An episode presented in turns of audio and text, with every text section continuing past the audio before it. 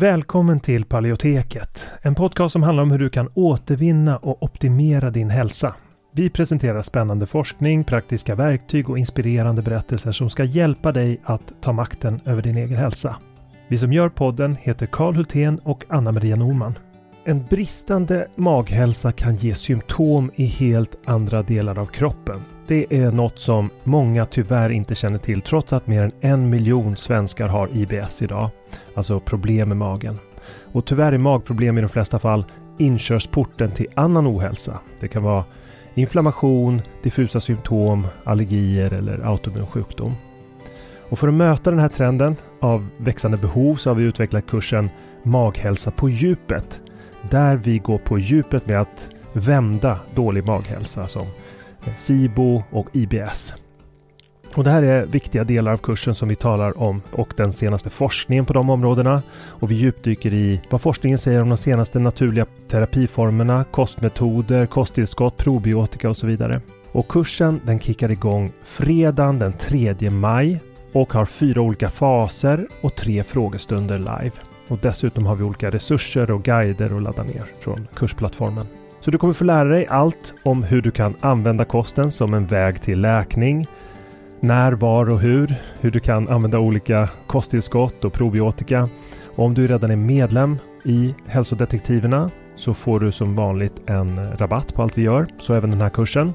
Och den här kursen tror vi är en perfekt väg för dig mot en bättre maghälsa där du inte bara får lära dig ett metodiskt tillvägagångssätt för att minska dina symptom utan också förstå de underliggande orsakerna. För att läsa mer om kursen och anmäla dig till den går in på paleoteket.se och klickar på utbildning. Eller klicka dig vidare från länkarna i podcastbeskrivningen. Så varmt välkommen till Maghälsa på djupet. Vi ses där när kursen startar, den 3 maj. Innan vi kör igång med dagens tema vill jag påminna om att den här podcasten har ett utbildande syfte och inte utgör medicinsk rådgivning. Nu kör vi!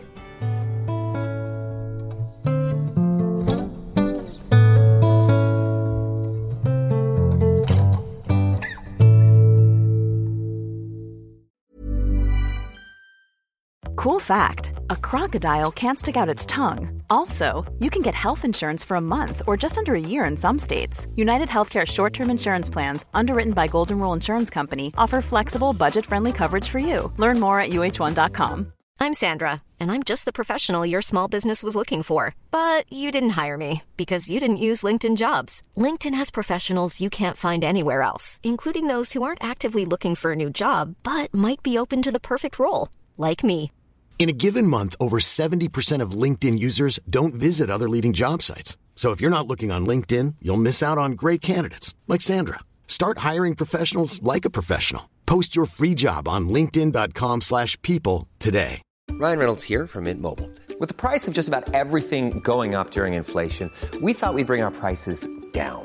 So to help us, we brought in a reverse auctioneer, which is apparently a thing. Mint Mobile unlimited premium wireless. Ready to get 30, 30, bit to get 30, bit to get 20, 20, 20, bit to get 20, 20, bit to get 15, 15, 15, 15 just 15 bucks a month. So, Give it a try at mintmobile.com slash switch. $45 upfront for three months plus taxes and fees. Promo rate for new customers for limited time. Unlimited more than 40 gigabytes per month. Slows. Full terms at mintmobile.com. I det här avsnittet så ska vi prata om kött. Det har kommit in väldigt många frågor om kött.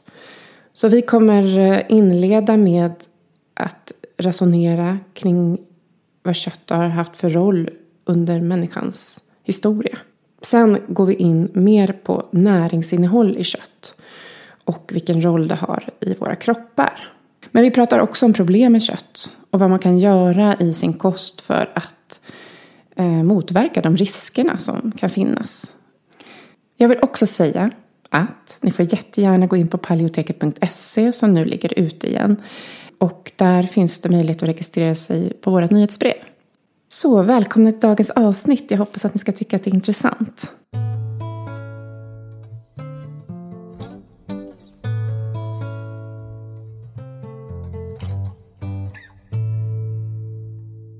Jag tänker att vi kanske skulle börja med att definiera lite. Vad är kött egentligen? Ja, det är alltid bra att börja definiera saker innan man börjar prata om dem. Um, jo, i den mening som vi pratar om kött idag så är kött då uh, ja, muskler och bindväv och andra eh, funktionella vävnader från djur, fåglar, fiskar och skaldjur. Och insekter. Um, och här ingår också vävnader såklart som inte är muskler och bindväv utan även lever, eh, annan inläsbart, eh, lungor och eh, vad som inte ingår är ägg och eh, mejeriprodukter. Eh, mm. Även om de är animaliska. Så att vi pratar inte om animalier utan vi pratar om kött. Och, och um, uh, ja, det är mm. det vi kommer, det är gränserna Bra. så att säga. Bra, då vet mm. vi det. Men vad säger forskningen egentligen om hur människans naturliga kost har sett ut? Hur mycket kött har människan historiskt ätit? Eh, det är ganska spännande att kolla på. För det här är ju någonting som är väldigt kopplat till vad det faktiskt innebär att vara människa. För att eh, eh det har gåtts igenom eh, i långa böcker. likt eh, eh, Nationalencyklopedin vad, vad människan eh, hur människan har utvecklats och vad det har gjort med oss. Ehm, en bok som jag tycker är bra eh, har skrivits av Richard Klein ehm, som är professor i biologi vid Stanford och han eh, skriver då mycket om hur eh, hur människan uppstod helt enkelt. Och det här skedde i korta drag för 2,6 miljoner år sedan. I takt med att vi började använda stenverktyg. Och ehm, det är en tydlig övergång då från eh, till att använda av eh, stenverktyg och också att eh, kött blev en del av människans kost. Eh, vi började direkt använda de här för att just eh, behandla och eh, ha ihjäl djur helt enkelt. Sen finns det också andra forskare som har tittat på vad den här övergången till eh, en ny kost gjorde med oss rent fysiologiskt. Och eh, när vi började använda stenverktyg och senare började använda elden. De äldsta tecken på eld är ungefär en miljon år gamla. Eh, där började man se att, eh, att kroppen förändrades helt enkelt. Att vi gick från att ha en mer fermenterande tjocktarmsbaserad tarmsystem till att ha ett tunntarmsbaserat som mer mera avsett för absorption helt enkelt. Så att matlagningen och stenverktygen tillsammans gjorde att vi blev människor. Vår hjärna ökade i volym för att eh, just kött är ju liksom en den perfekta järnmaten. Den har precis rätt sammansättning av aminosyror, fetter, mikronäringsämnen, mineraler och eh, vitaminer för att bygga upp hjärnan. Eh, och eh, vi blev också eh, våra, våra tänder började bli mindre, våra, käk, våra käkar krympte och vi blev mindre i kroppen. Mm -hmm. och, eh, alltså vår hjärnas volym i förhållande till kroppsvolym är ju väldigt liten om man jämför till exempel med vegeta vad ska man säga, eh, primater som äter vegetabilier. Som gorillan till exempel så har ju den en stor kroppsvolym i förhållande till hjärna och den spenderar i princip hela dagen med att eh, processa föda. Eh, nio timmar om dagen. Man behöver äta ganska mycket om man bara ska äta vegetabilier menar du? Ja exakt. Mm. Tiden som människor lägger på att, eh, eller historiskt lagt på att behandla och eh, äta mat har varit mycket, mycket kortare för att vi har möjlighet att använda teknik för att få tag i föda. Och sen använda teknik för att eh, tillaga födan och göra den mer absorberbar. Mm. Så, så uppvärmningen och eh, ja, men själva matlagningstekniken som vi använt har varit avsedd att göra näringen mer lättillgänglig mm. och lättsmält. Mm. Och gör det möjligt att ha den här tunntarms, den här långa tunntarmen och tjocka eh, tjocktarmen som bara är en, en liten bit på slutet. Mm. Men man åt väl inte bara kött? Nej, eh, men de äldsta tecknen där på, alltså en förutsättning för att äta något mer än kött som till exempel de här rotfrukterna. Eh, ja, det, det, de äldsta tecknen där är ja, men en miljon år gamla ungefär. Att vi, när vi började använda elden så kan man också börja använda rotfrukter eh, som, mm. en, som föda. Eh, de äldsta tecknen är någonstans runt 780 000 år sedan. Eh, ja. Eh, och eh,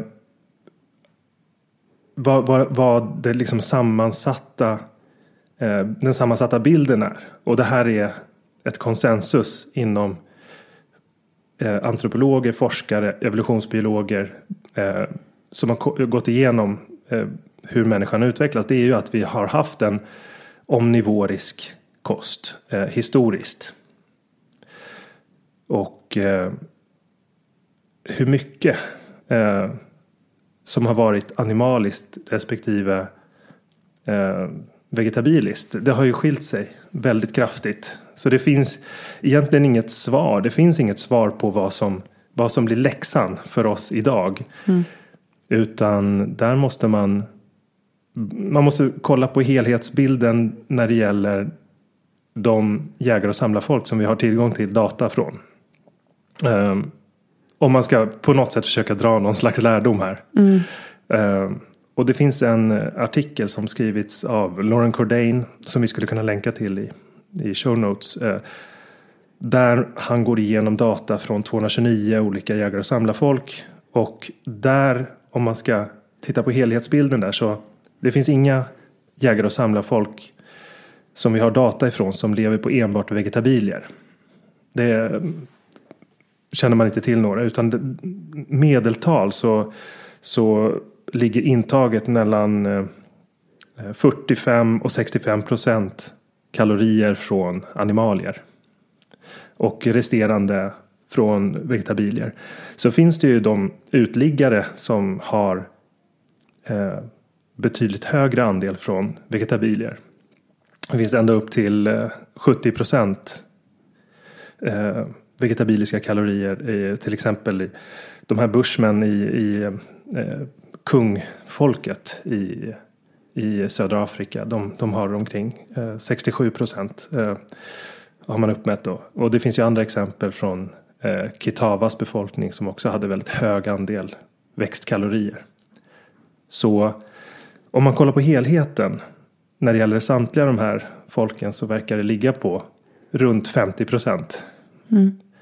Um, och då kan man lätt tänka sig, ja men vänta nu, det blir ju en jättestor hög med kött på tallriken. Mm. Men det är inte så det rent visuellt ser ut.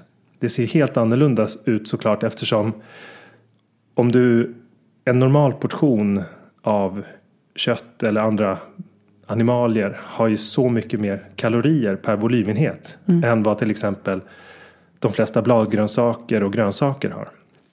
En portion broccoli kan ha ja, 3-4 kalorier på en hel portion medan en, en köttbit kan ha 200 kalorier. Mm.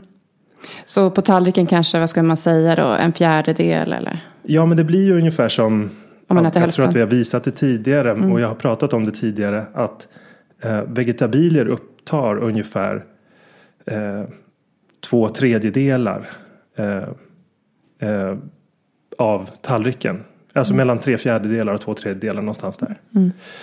Eh, och då blir energiintaget ungefär 50-50 från vegetabilier och protein. Mm. Eh, protein och fett då. För att fett är ju alltid en naturlig del av de här källorna. Uh, så där någonstans. Uh, alltså man kan, man kan säga att de här delarna är otroligt bra på att komplettera varandra. Och att 50-50. Ja men det är någon slags. Det, det är ju naturligtvis ingen vetenskaplighet i det. Utan det är bara någon slags extrapolering från den, de bevis som finns hur liknande, alltså hur människor lever i det vilda. Typ. Mm. Just det. Mm. Men vet man hur olika nu levande jägare och samlarfolk äter? Ja, och några av de här, eh, alltså det är ytterst få av de här 229 så är inte alla nu levande. Mm. Men de ligger på, och det där beror ju helt på var de befinner sig på jorden. Alltså man har sett att de som äter, de nu levande inuitbefolkningar till exempel kan ligga på ända neråt 6-15 procent av sina kalorier från, eh, från vegetabilier medans eh, tropisk regnskog, alltså indianbefolkningen i tropisk regnskog kan ligga på eh, betydligt högre, ända upp till 40 procent. Mm. Ja, ja. Mm. Eh, eller över 40. Ja, det var de du pratade om tidigare. Jag trodde det var eh, liksom, historiskt sett när du jämförde. Ja, utifrån nej, det var både och. I de, ja. de, de, de innehåller både och, mm. de där grupperna. Eh, så, så om man kollar här i Norden vad jägare och samlarfolk i Norden har ätit. Så så har våra förfäder då här legat på någonstans mellan ja det finns mellan eh, 16 och 25 procent i nordligaste Norden och tempererade skogar. Eh, tempererade skogområden, alltså neråt Europa då. På mellan 36 och 45 procent från vegetabilier. Medan vi har legat mellan 16 och 25 procent här uppe. Eh, men, det, men det har ju alltid varit vad man har haft tillgång till. Så att det betyder inte att det betyder inte att vi, våra gener, vi här nordbor, är avsedda eh, har gener som är mer lämpade för högre köttandel. Det betyder inte. Eh, Mm, varför inte då? Nej, alltså när vi pratade tillbaka där, Mm. eh, de här miljonerna år har ju satt betydligt djupare avtryck. Eh, och där har människan levt på betydligt högre andel eh, vegetabilier i de här tropiska regionerna där vi utvecklades Mm. till exempel. Vi kan helt enkelt leva på väldigt skiftande intag. Ja, Ehm, intressant. Så, men, men, men med en stor volym eh, vegetabilier på tallrikarna blir det. Det ser ju ut som vegetariskt typ. Eh, eh, med eh, Precis. en mindre bit kött på det. Just det. Men eh, vilka näringsämnen får vi egentligen från växter respektive djurriket? Eh, ja, de är ju otroligt eh, bra på att komplettera varandra. Och det finns specifika näringsämnen som bara finns i växter, i vegetabilier och så finns det vissa som bara finns i kött. Och eh, de som då finns i vegetabilier det är till exempel C-vitamin som när det gäller läkning och kronisk sjukdom är otroligt viktigt för slemhinnefunktion och hälsa och, eh, och vad man ska säga läkning och utbyte av bindvävsvävnader. Eh, sen finns det också eh, Någonting som är otroligt viktigt är ju de prebiotiska fibrerna som avgör vad det finns för typ av mikroflora i tarmen. Eh, sen finns det också polyfenoler, flavonoider, karotenoider. Och vad är det för något? Eh, det är växtämnen som finns av olika skäl finns i växter. Oftast som ett eh, antioxidantskydd mot solens strålar. Men de har ju otroliga främjande effekter. Och de har ju satt i samband med cancerskyddande effekter, skyddande effekter för näthinnan. Eh, andra polyfenoler kan förstärka antioxidantförsvaret i kroppen. De är hälsofrämjande helt enkelt. Och är det det man komma- brukar prata om, antioxidanter? Ja. Ja. Eh, sen, sen att jag vill inte använda det. Nej. För det är inte definitivt eh, en, en generell roll som de alla har. Eh, Vissa av dem är prooxidanter. Eh, Men de har helt enkelt en rad främjande effekter. Och just specifikt när det gäller eh, Vi talar ju mycket om tarmintegritet och tarmhälsa. Där har eh, flera polyfenoler, fla- flavonoider har effekt på eh, integriteten av tarmslemhinnan. Eh, och vi, men vi ska inte prata specifikt om det idag. Det, det är helt enkelt så att eh, eh, flera av de här växtspecifika kemikalierna har goda effekter när det gäller det som finns i kött också. Och det som finns i, specifikt i animaliska livsmedel det är ju ja, hela B-vitaminkomplexet. Där särskilt B12 det finns inte inom, inom eh, vegetabilier. Och det är ju otroligt viktigt. Eh, ja, hela B-vitaminkomplexet är väldigt viktigt i nästan alla av kroppens organsystem egentligen. Men för hjärnan, alltså och neurologiska sjukdomar så har ju B12-vitaminen en väldigt tydlig roll. Och får man B12-brist, eh, gud förbjude, så, så, så råkar man ut för eh, ja, kognitiva symptom och hjärnskador som inte är reversibla alla gånger. Så att det vill man ju såklart inte råka ut för.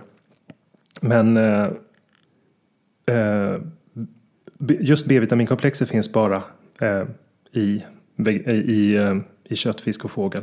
Man kan äta tillskott då, om man till exempel äter vegetariskt. Ja, fast av olika skäl så är tillskott brukar sällan, brukar sällan eh, ge upphov till samma goda resultat. Eh, eftersom ja, det är en hel historia för sig. Det borde vi egentligen gå igenom i en egen show. Varför, eh, varför just tillskott? Det, det har att göra med saker som att vad är biologiskt aktivt? Vad är biologiskt tillgängligt? Vilka är de korrekta nivåerna som är liksom biologiskt kompatibla med människans behov? Eh, det fuskas en hel del med de, de olika formerna helt enkelt. Av. Alltså vad som kallas för omega-3 är inte alltid biologiskt tillgängligt och användbart. Vad som kallas fol, folat eller folsyra är inte alltid användbart. Så att vitaminpiller eh, har inneboende problem med sig. Eh, men nog om det. eh, D-vitamin är en annan sån sak. Som, som då finns i en, en specifik form i just kött, fisk och fågel. Eh, som heter eh, eh, 25 hydroxykalciferol. Eh, och den tas upp väldigt snabbt och effektivt och blir till användbart D-vitamin i kroppen. Viktiga roller vid, eh, för immunförsvaret. Immunförsvarets celler har eh, D-vitamin otroligt viktiga funktioner i regleringen av immunförsvaret. Sen också järn från, från rött kött tas upp betydligt enklare eh, än järn från växtkällor till exempel.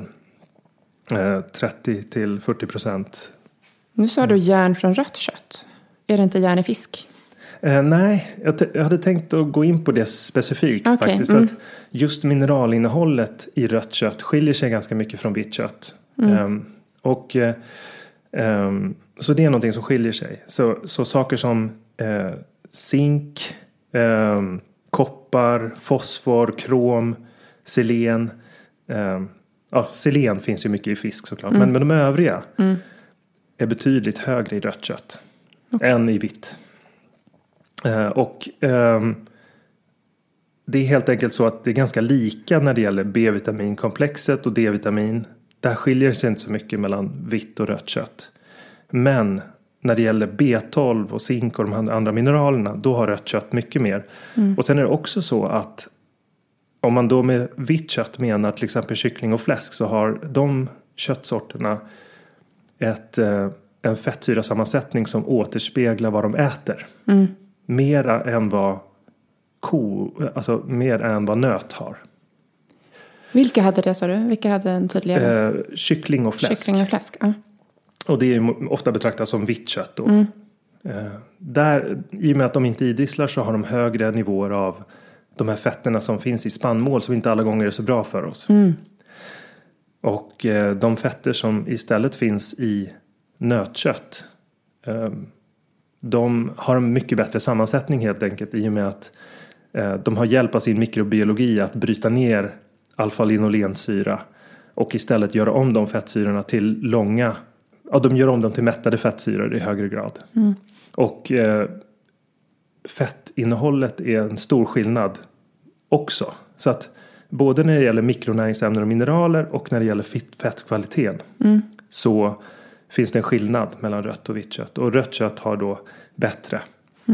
Eh, Men det är inte, man kan inte dra någon punkt där för att det finns andra nackdelar med rött kött. Eh, eh, Om man ska komma in på dem så, så kommer man in på det här med, eh, vi kanske skulle börja prata det där om cancer. ja, just det. För det brukar ju folk fråga. Ja, ehm, det eh, finns en rad, ja, det, det skrivs ju saker hela tiden. Och man, ska inte, man ska inte ta helheten i det här för, på för stort allvar. För det kommer komma nya eh, det kommer komma nya studier som visar att rött kött kan ha samband med cancer på olika sätt. Det betyder inte nödvändigtvis att det är så. Och särskilt inte om man tar ett helhetsgrepp på hur kosten ser ut. Och för att förtydliga lite vad jag menar där så ja, det, det finns en mekanism till exempel som man, som man lyft fram som har att göra med hemoglobin. Och det är den molekyl som bär eh, det är det som gör rött kött rött helt enkelt. Och som bär järnmole- järnet i en hemgrupp för att binda syre i blodet och så. Och den här gruppen kan då när den bryts ner av bakterier i tarmen, när den metaboliseras. Så uppstår det där längs vägen eh, cytotoxiska steg i den nedbrytningen. Och de eh, den här cytotoxiska eh, effekten kan då helt enkelt balanseras och begränsas om man äter eh, klorofyll. Klorofyllringen har i princip, ja, om man kollar på två bilder av dem sida vid sida så har de i princip samma form. Och de har ju då, eh, när de konkurrerar i metabolismen av den här samma eh, pathway av nedbrytning så uppstår det där inga cytotoxiska eh, eh, delmetaboliter. Och det innebär att om man äter grönsaker och särskilt bladgrönsaker mm. tillsammans med rött kött så balanseras och elimineras den här risken. Mm. Och cytotoxisk, det betyder på något sätt giftig? Ja, eller? exakt. Att den kan ha samband med uppkomst av olika typer av cancerformer för mm. tarmen. Så att om man bara skulle leva på rött kött så är risken stor att man får cancer. Men om man äter Nej, inte kött... stor. Den är fortfarande liten. Men det är ändå en risk som man måste prata ja. om. Man kan inte bara ignorera den. Nej, men det är inte så många som bara äter rött kött. Utan oftast, som vi pratade om, så äter man en liten andel eh, kött på tallriken. Ja, och mycket exakt. grönsaker. Ja. Så att om man har en rädsla för det här med cancer och rött kött så ska man bara se till att ösa på med grönt. Ja, och det här är en... Ja, men exakt. Och, och där är ju den aktiva gruppen en annan i klorofyll. Men i övrigt är den här pyringruppen som då eh, en strukturell grupp som då håller järn i, i köttet och i, i växterna så är ju den gruppen eh, magnesium. Mm. Eh, och det är därför all, allt grönt innehåller magnesium. Mm. Eh, men, men att eh, Balanserar man de här två så eliminerar man den här risken. Och det har man då visat i, stud i studier på djur. Mm. Framförallt för att det är svårt att göra det här på människostudier av flera olika skäl. Mm. Men då har man helt enkelt kunnat eh, eliminera risk, den här procancereffekten som man mm. sett av hemjärn. Men det finns andra eh, mekanismer också. Mm. det här är bara en av flera. Finns det något mer du skulle vilja nämna? Ja, en som varit känd länge det är den här TMAO-mekanismen. Eh, eh, och den mekanismen har fått sitt namn av en slutmolekylen i en lång kedja av skeenden som, som inleds med eh, en aminosyra som finns i kött som heter karnitin, L-karnitin. Mm. Och den finns där i, i riklig mängd i, i kött. och när tarmens bakterier bryter ner eh, den här aminosyran. Den tas ju upp i största mängd men, men eh, den metaboliseras också och då bildas eh, trimetylamin som är TMA. Då. Och vissa typer av bakterier kan ombilda TMA till TMAO. Eh, alltså trimethylaminoxid. Det är det TMAO står för. Mm. Och den har cancerfrämjande effekter. Mm. Men uh, det finns då specifika bakterier som gör det här. Och det är inte alla bakterier som gör det utan det är en specifik um, typ av bakterier som heter Prevotella. Mm. Den sista steget i omvandlingen till den här farliga molekylen görs av Prevotella som då lever av de fibrer som finns i spannmål primärt. Mm. Så den eh, klassen av bakterier är förhöjd i tarmen när man äter en klassisk svensk husmanskost med pasta och bröd. Mm. Eh, äter man inte pasta och bröd eller äter en paleolitisk kost så har man betydligt lägre. Så i populationer som eh, eh, inte har eh, spannmål eller spannmålsliknande eh, delar i sin kost så, så är Prevotella låg och då omvandlas inte TMA till TMAO som är den farliga substansen. Mm. Så. Ja, det, men det, nu förstod jag. jag tror att man kan komma ihåg eh, alltså att eh, kött innehåller karnitin. Mm. Karnitin metaboliseras till TMAO. Mm. Eh, och det sista steget av omvandling från TMA, eh, eller TMA till TMAO mm. görs av Prevotella som mm. är en spannmålsbakterie. Mm. Ja men det där fattade jag. jag. Yes. eh, så.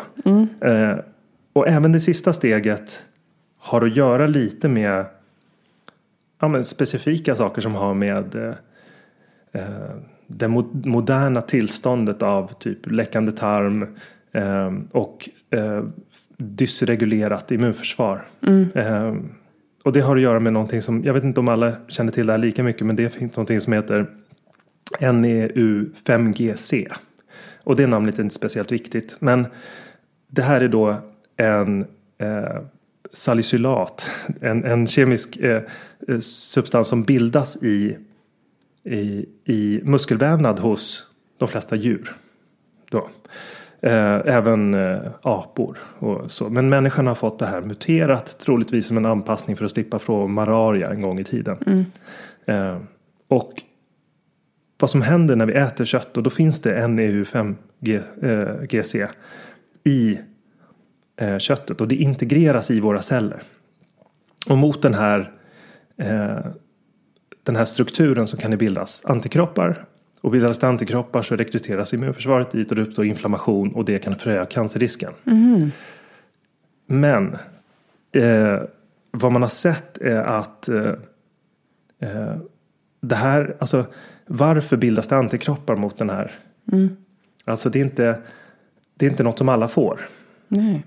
Utan det är någonting som, precis som antikroppar kan bildas mot en kroppsegen vävnad, är en del av ett felreglerat immunförsvar, en autoimmunreaktion, så är troligtvis de här, den här autoimmuna processen som är inflammationshöjande också beroende av ett, de felregleringar i immunförsvaret som uppstår när man har eh, läckande tarm och andra genetiska faktorer i kombination med en trigger. Alltså hela det här glutenbaserade grunden för att utveckla autoimmuna sjukdomar.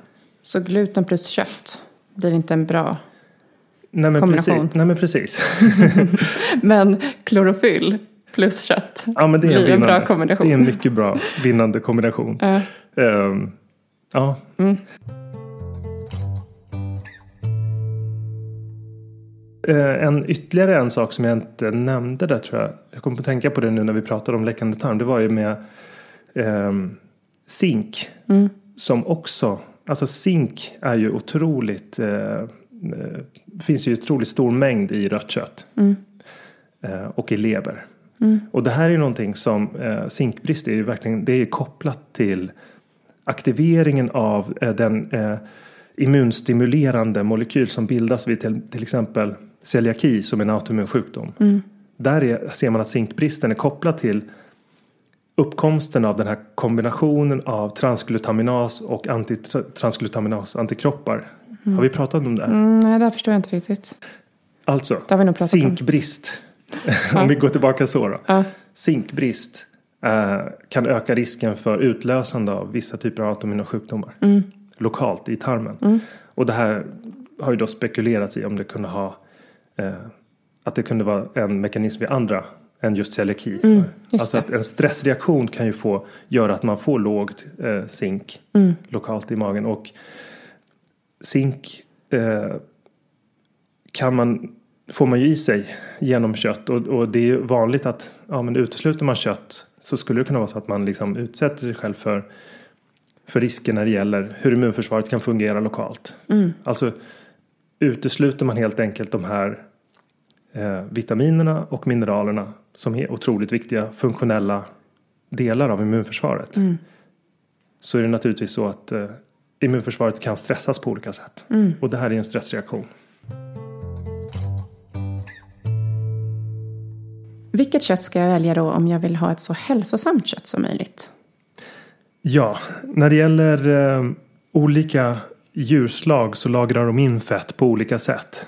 Och man kan säga att, säga att den stora skillnaden är mellan djur som har aktiva mikroorganismer i magen och de som inte har det på samma sätt. Eh, så djur som idisslar, de har ju då i vommen eh, bakterier som bryter ner fetterna mycket i det de äter. Så man skiljer då i fettkvalitet eh, ganska stort när det gäller kyckling och, och fläsk som då tar upp det fettet som de äter. Och det innebär att de generellt sett får sämre fett i sig än nötkreatur. Eftersom nötkreaturen, deras mikroorganismer bryter ner eh, även spannmålets negativa fetter, omega-6 fetter. Eh, Så, så den stora skillnaden är i kvalitet är mellan eh, djur som har fått industriellt foder då och konventionellt uppfött kyckling och, eh, och fläsk. Det är lite sämre. Så, men, men det finns även en, en skillnad i kvalitet som är ganska stor när det gäller eh, gräsbetat nötkött och konventionellt uppfött eh, nötkött. Och eh, om man tittar lite närmare på analyser av fettsammansättningen. För det är där det skiljer sig framförallt. Om man kollar på mineraler, om man kollar på proteininnehåll, om man kollar på B-vitamin, zink och så. Det skiljer sig inte så mycket. Men det är just i fettkvaliteten som det skiljer sig mellan gräsbetat och konventionellt. Eh, och då, eh, jag har tittat närmare på eh, sju olika jämförelser mellan då, det är några olika korsningar av raser. Det finns eh, Angus, eh, Simmental och Hereford. Eh, Simmental och Hereford är väldigt vanliga i Sverige. Bland de vanligaste. Och där kan man ju se då dels att det skiljer sig ganska mycket i hur mycket fett de lagrar in då. Men den stora skillnaden, det är nästan ingen skillnad alls i omega 6 mellan de här. Eh, om man kollar på, eh, på Angus till exempel så är det nästan precis samma, 3,4 eh, gram då. Eh, ah, jag ska inte dra alla siffrorna men det, det är alltså en stor skillnad just i omega 3 innehållet. Så man kan se att där har det gräsbetade köttet över alla de här sju mätningarna är mycket högre. Mm. Och eh, när det gäller omega-6 var det ungefär samma och det innebär ju då att eh, ratiot mellan, alltså förhållandet mellan eh, omega-6 och omega-3 fetter blir väldigt annorlunda. Det, det kan vara runt 2 i de flesta fall när det är gräsbetat och 9, 13, 10, eh, 8, 6. Ja, det, det mm. finns vissa som har neråt 3 och det är ju ganska bra då. Även eh, konventionellt menar du? Eh, även konventionellt mm. då. Men det är ganska sällsynt ändå. Så att ratiot blir sämre, alltså förhållandet mm. mellan. Alltså när du säger att det är två på gräsbetat, betyder det att det är två gånger så mycket omega-3 eller två gånger ja, så man mycket? tar alltså omega-6 delat med omega-3. Alltså det är två gånger så mycket om, uh, omega-6 uh, i gräsbetat. Ja men exakt. Uh, och i vissa konventionella så är det nio gånger så mycket. Ja. Och det, man ska ha jäm, helst ha en så jämn balans. Ja men exakt. Man ska komma ner så mycket som möjligt. Man ska komma ner ett till ett nästan. Mm. I, I, vissa eh, mätningar av eh, vi, hur, hur jägare och samlar folk eh, har ätit. Men man behöver absolut inte komma så lågt för att få väldigt bra hälsoeffekter. Utan man behöver liksom man behöver få bort de värsta eh, bulken av omega-6 fetter. Mm. Och de, där finns det ju ganska mycket då i, i kyckling och fläsk. Men inte mm. i nöt egentligen. Mm. Men ofta så väger man upp det med andra livsmedel då. Så att man får i sig omega-3 från andra livsmedel också. Ja, så exakt. att det blir närmare 1 till 1. Ja, det är ju då fisk och skaldjur som det finns omega-3 som är användbart. Okay. Eh, de omega-3 fetter som, som finns i nötter och frön är inte användbara för människan för de konverteras inte i människans mm. lever i tillräckligt. Det är i, i bästa fall någon procentandel mm. och det räcker ju såklart inte. Um, så det är bara relevant att prata om marina källor till omega-3 parallellt med gräsbetat. Mm. Det är de källor som finns. Det är marina källor och gräsbetade källor till mm. omega-3. Det är ganska Det finns ju såklart som man kan överleva även på konventionellt mm. eh, kött och utan fisk. För att man kan syntetisera lite lite grann i levern. Men det räcker ju mm. aldrig till att få en optimal eller ens bra hälsa. Um, Så viltkött då? Hur är det med det?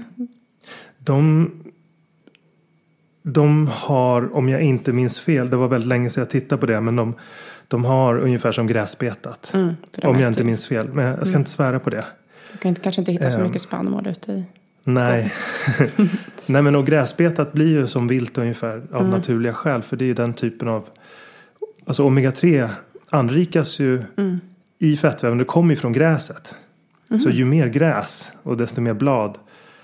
Eh, så, så um, ja, det, det, är så det går till helt enkelt. Och det var en sak till som jag tänkte ta upp. Att det finns ju även CLA. Mm. Konjugerad linolensyra. Och det här är en fettsyra som tycks ha, som har visat sig i flera studier, kunna bidra till normalisering av kroppsvikt på personer som är överviktiga. Mm. Och det har ja, det har testats på grupper. Vi, vi, skulle kunna länka den studien. Men alltså CLA finns ju bara i gräsbetat i princip. Det finns mm. ju mycket lägre nivåer. Eh, om man kollar specifikt så finns eh, CLA. Ja, det är nästan alltid dubbelt så mycket. Ja, inte i alla. Men det är i stort sett de, ja, men de flesta mätningar så är det betydligt mer CLA i gräsbetat. Mm det var inte riktigt så dramatisk skillnad som jag sa först när jag tittade närmare på siffrorna. Mm. Men det är alltid mer i alla fall. Mm.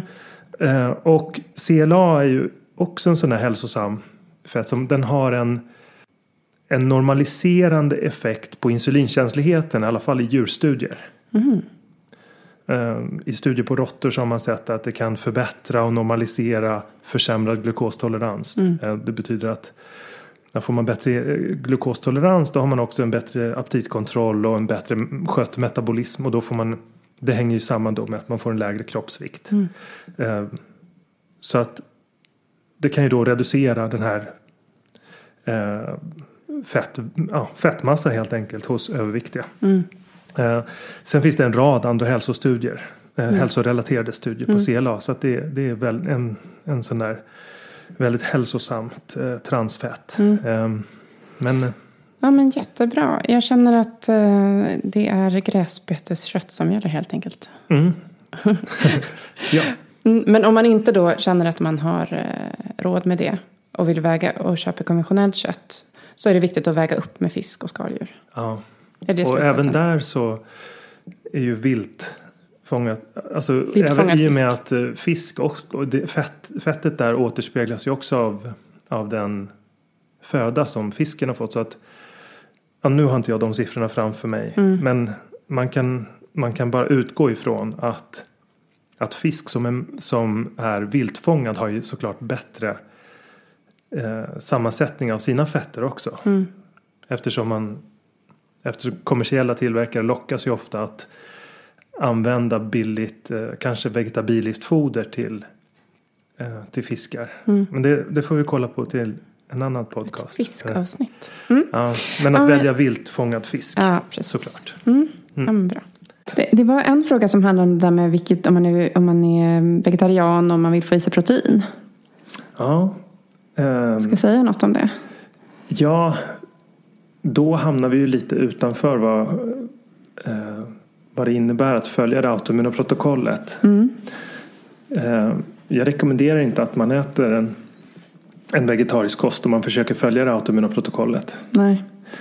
För att eh, det blir då en kost som är fylld av olika tillskott och effekten av dem känner vi inte till. Mm. Och det brukar inte bli framgångsrikt eh, rent erfarenhetsmässigt mm. att följa att försöka och fylla i luckor med proteinpulver mm. och piller. Nej. Det brukar inte funka speciellt bra. Men jag vet personer som till exempel sagt att de bara vill äta fisk. Mm.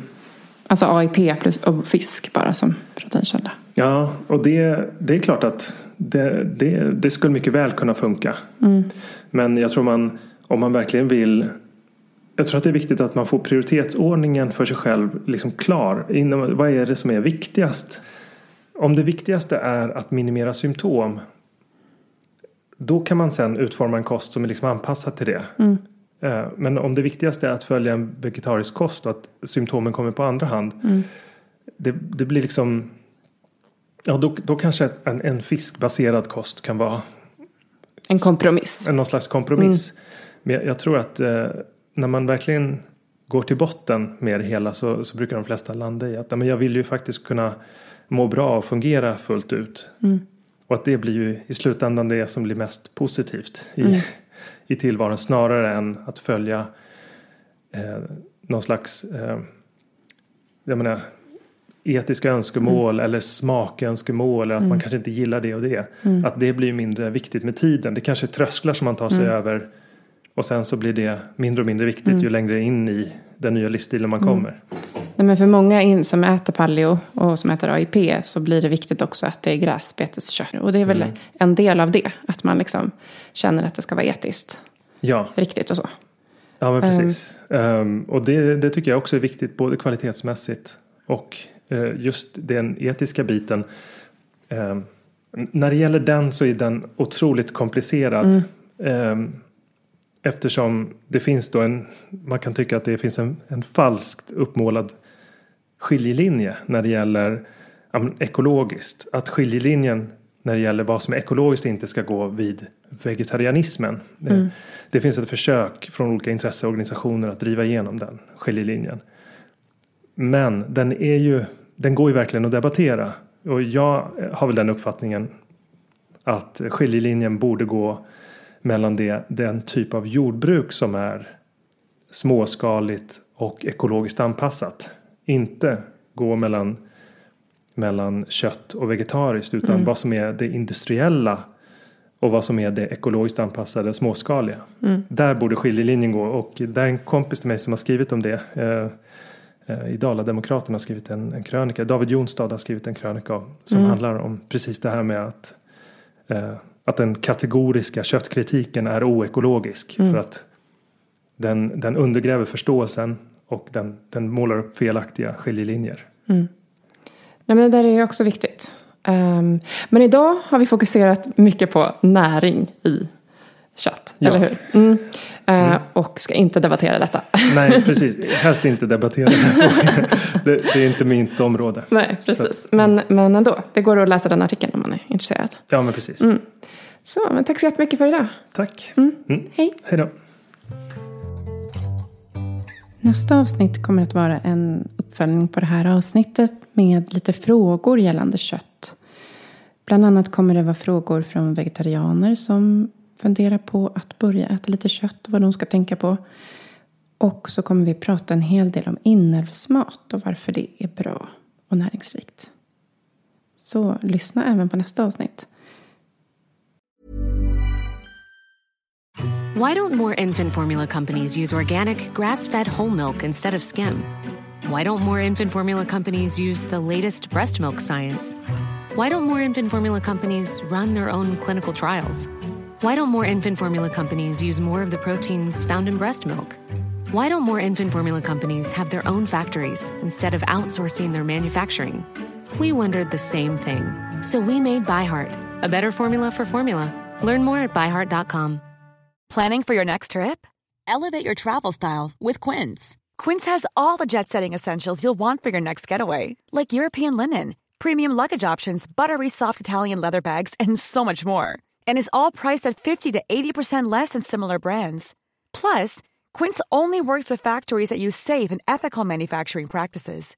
Pack your bags with high-quality essentials you'll be wearing for vacations to come with Quince. Go to quince.com slash pack for free shipping and 365-day returns. Mom deserves the best, and there's no better place to shop for Mother's Day than Whole Foods Market. They're your destination for unbeatable savings, from premium gifts to show-stopping flowers and irresistible desserts. Start by saving 33% with Prime on all body care and candles. Then get a 15-stem bunch of tulips for just $9.99 each with Prime. Round out Mom's menu with festive rosé, irresistible berry chantilly cake, and more special treats. Come celebrate Mother's Day at Whole Foods Market.